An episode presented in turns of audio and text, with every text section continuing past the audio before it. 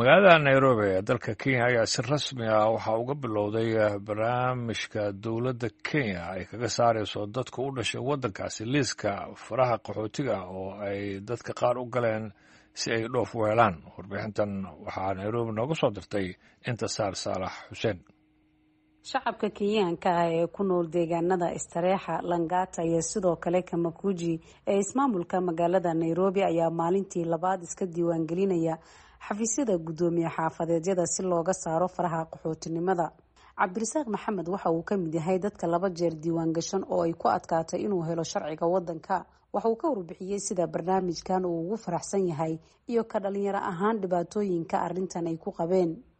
Runtii aad ayaan u faraxsannahay. Maanta maalmaha kale way nooga duwan tahay.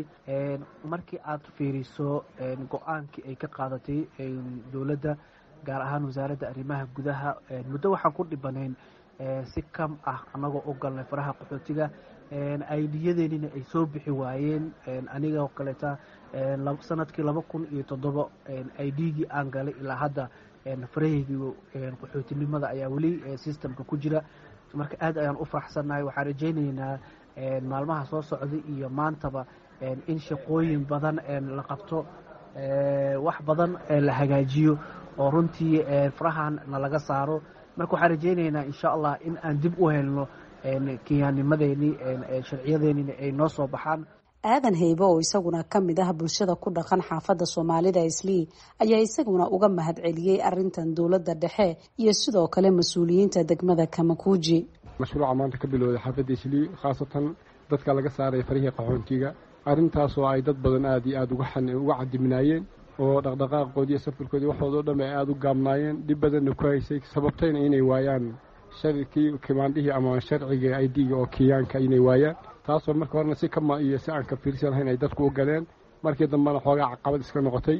Marka meeshaan dowladdan dowladdana aada iyo aad baan ugu mahad celinaynaa waxaan kaloon si khaasa ugu sii mahad celinaynaa xildhibaanka yuusuf xasan oo arrinta aad iyo aad xil weyn isaga saaray aadna isugu taxallujiyey jasaaka allahu khayran jazaa baan leenahay. Barnaamijkan ayaa waxa uu socon doonaa ilaa iyo laba bilood waxaana maalintii koowaad ee shalay ahayd degmada kamakuuji iska diiwaangeliyey ilaa iyo shan boqol oo qof.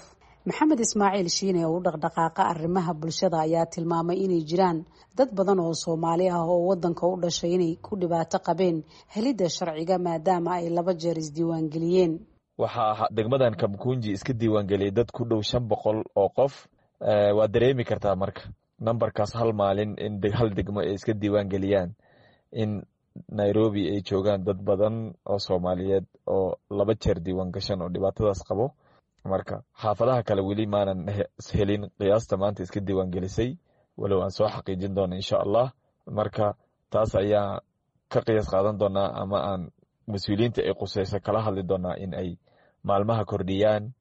Muddadana lagu daro maalmaha interviewgana la badiyo si joogtaa looga dhigo isbuuci laba mar ama saddex mar hadduu alla idmo. Diiwaangelinta maalin walbay soconaysaa xafiisyada jiifafkay ka soconaysaa laakiin turxaan bixinta ama interviewga isbuucii hal mar ayuu dhacaya. Sida ii xaqiijiyeen guddiga qaabilsan arrimaha diiwaangelinta ama hay'adda qaabilsan bil walba bilowgeeda maalinta khamiista ah waxaa dhacaya interview khamiista soo socota hadduu alidmo vetinka ama interviewga mar labaad uu dhacayaa bisha dhammaadkeeda bisha saddexaad khamiista u dambeysana interviewga dhacaya inta u dhexayso dadka waxay marayaan process ah in dokumentiyadooda ay jiifafka ka xareeyaan fare laga qaado systemka la geliyo si ay u maraan vetinkaas laakiin wax waa isbedeli karaan maadaama tirada soo baxday aada u badan tahay. Waxaa laga yaabaa maalmaha interviewga ama vetinka la marayo turxaan bixinta in aysan ku ekaan maalin khamiis kaliyahay maalmo kale ziyaadaha lagu daro. Sida maanta aan aragnay tiradaas soo baxda inay aada u badan tahay? Aysan ku dhammaan karin labada bilood. Dib ayaan u noqon doonaa mas'uuliyiinta u xil saaran inaan la fadhiisano ka dhaadhicino barnaamijka. In dad aada u tiro badan ay hawshaas haysato doonayaanna in ay faraha laga saara dhinacay doontaba ha noqotee. Marka taas ayaan ka shaqayn doonaa insha allah intisaar saalax xuseen v o a nairobi